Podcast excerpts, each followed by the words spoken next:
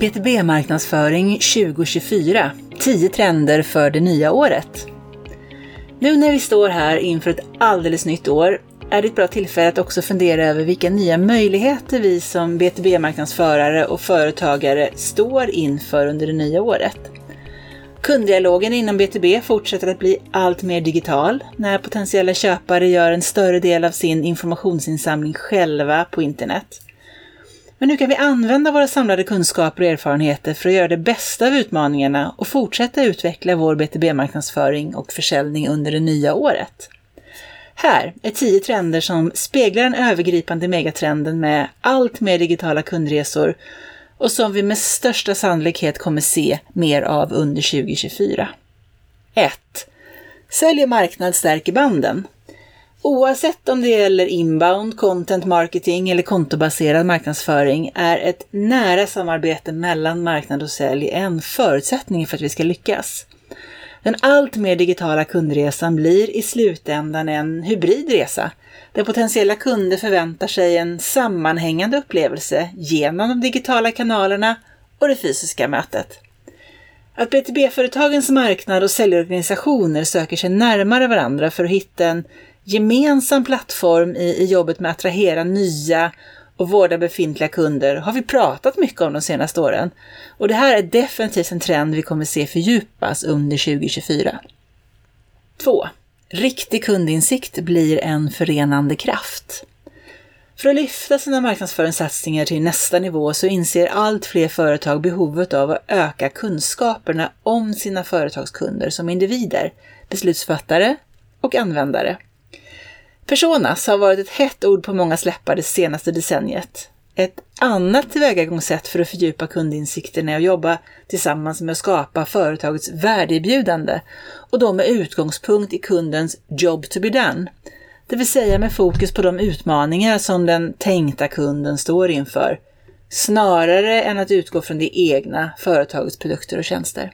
Under 2024 är jag säker på att vi kommer få se hur företagen tar nya grepp för att lära känna sina kunder, fördjupa sin kunskap och finslipa sina marknadsföringsprocesser. Men också för att en djup insikt i kunderna är en färskvara som behöver uppdateras kontinuerligt. 3. Fler företag väljer att fokusera med account-based marketing. ABM, eller kontobaserad marknadsföring. Det handlar om att vi fokuserar marknadsföringen på ett begränsat antal företag, konton och på rätt personer i de företagen. Och genom att fokusera så, så, blir det möjligt att anpassa våra budskap och vårt content och välja kanaler noggrant för att kommunicera med precis de vi vill ska bli våra kunder. Och parallellt med det fortsatta intresset på inbound marketing och demand generation så kommer vi 2024 troligtvis se hur fler och fler företag väljer att precisionsstyra sin BTB-marknadsföring mot ABM i form av riktade e-postutskick, IP-styrd displayannonsering, nischade events, företagsanpassade budskap på LinkedIn och så vidare. Och med det vässade fokuset på ett antal utvalda konton så blir ABM också ytterligare ett verktyg faktiskt för att föra marknad och sälj närmare varandra i organisationen. 4. Företagens content blir allt rikare och mer värdefullt. När vi går in i 2024 så har många BTB-företag kommit en bra bit på vägen i sina satsningar på content marketing. Från att content i sin enklaste form bestått av bloggposter och artiklar så har innehållet successivt utvecklats. Nu finns ofta ett mer gediget strategiarbete bakom vad som ska produceras och varför. Vi fortsätter också att följa Googles ambitioner som handlar om att premiera innehåll som genuint hjälper människor med unikt och engagerande innehåll som verkligen svarar på kundernas och prospektens frågor. Under 2024, då tror jag chansen är stor att vi kommer fortsätta se en utveckling mot rikare B2B-content, både i form av mer rörligt innehåll, men också i form av till exempel underbyggda rapporter och nya insikter genom studier. Nischade poddar, som vår egen BTB-podden, erbjuder precis som vi en möjlighet att både lyfta fram individerna i företaget och ge mer personliga fördjupningar. 5. Marketing automation fortsätter förstås vinna mark. Marketing automation som ett verktyg för att automatisera och effektivisera inbound och content marketingarbetet är inget nytt. Men sanningen är att de flesta BTB-företag fortfarande har mycket att utveckla under året som kommer. Majoriteten av alla företag drar ännu inte nytta av marketing automation alls, medan de flesta andra utnyttjar bara en liten del av alla de möjligheter som finns. Som del av en bredare trend mot automatisering kommer vi självklart få se fler smarta tillämpningar och ökad penetration av MA-lösningar, både under det kommande året 2024 och ännu längre fram. 6. Förväntningar på mätbar effekt fortsätter sätta siffrorna i fokus. De senaste åren så har allt fler marknadschefer berättat för mig om sina ökade krav på att följa upp marknadsföringsarbetet och visa på konkreta resultat. Under det kommande året så tror jag vi kommer se hur BTB-företag blir bättre på att inte bara samla in en massa värdefull data, utan att också sätta upp relevanta KPI och jobba aktivt för att följa upp mot dem. Och nyckeln här det blir förstås att omvandla information om sajtbesökare, nedladdningar, seminariebesökare och leads till värdefulla slutsatser som kan lägga grunden för det fortsatta marknadsförings och försäljningsarbetet.